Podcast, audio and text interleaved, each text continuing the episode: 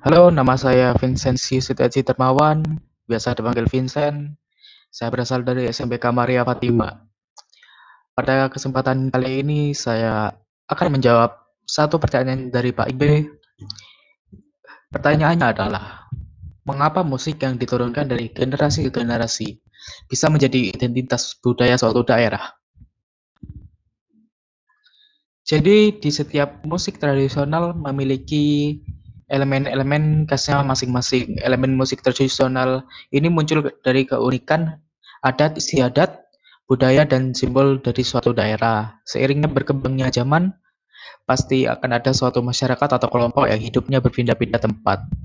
Dari situlah mereka mengenalkan budaya khasnya yang salah satunya musik tradisionalnya ini yang dari dari daerah asal mereka.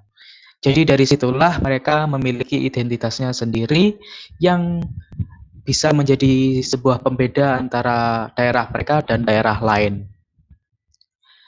Mungkin sekian dari saya. Terima kasih.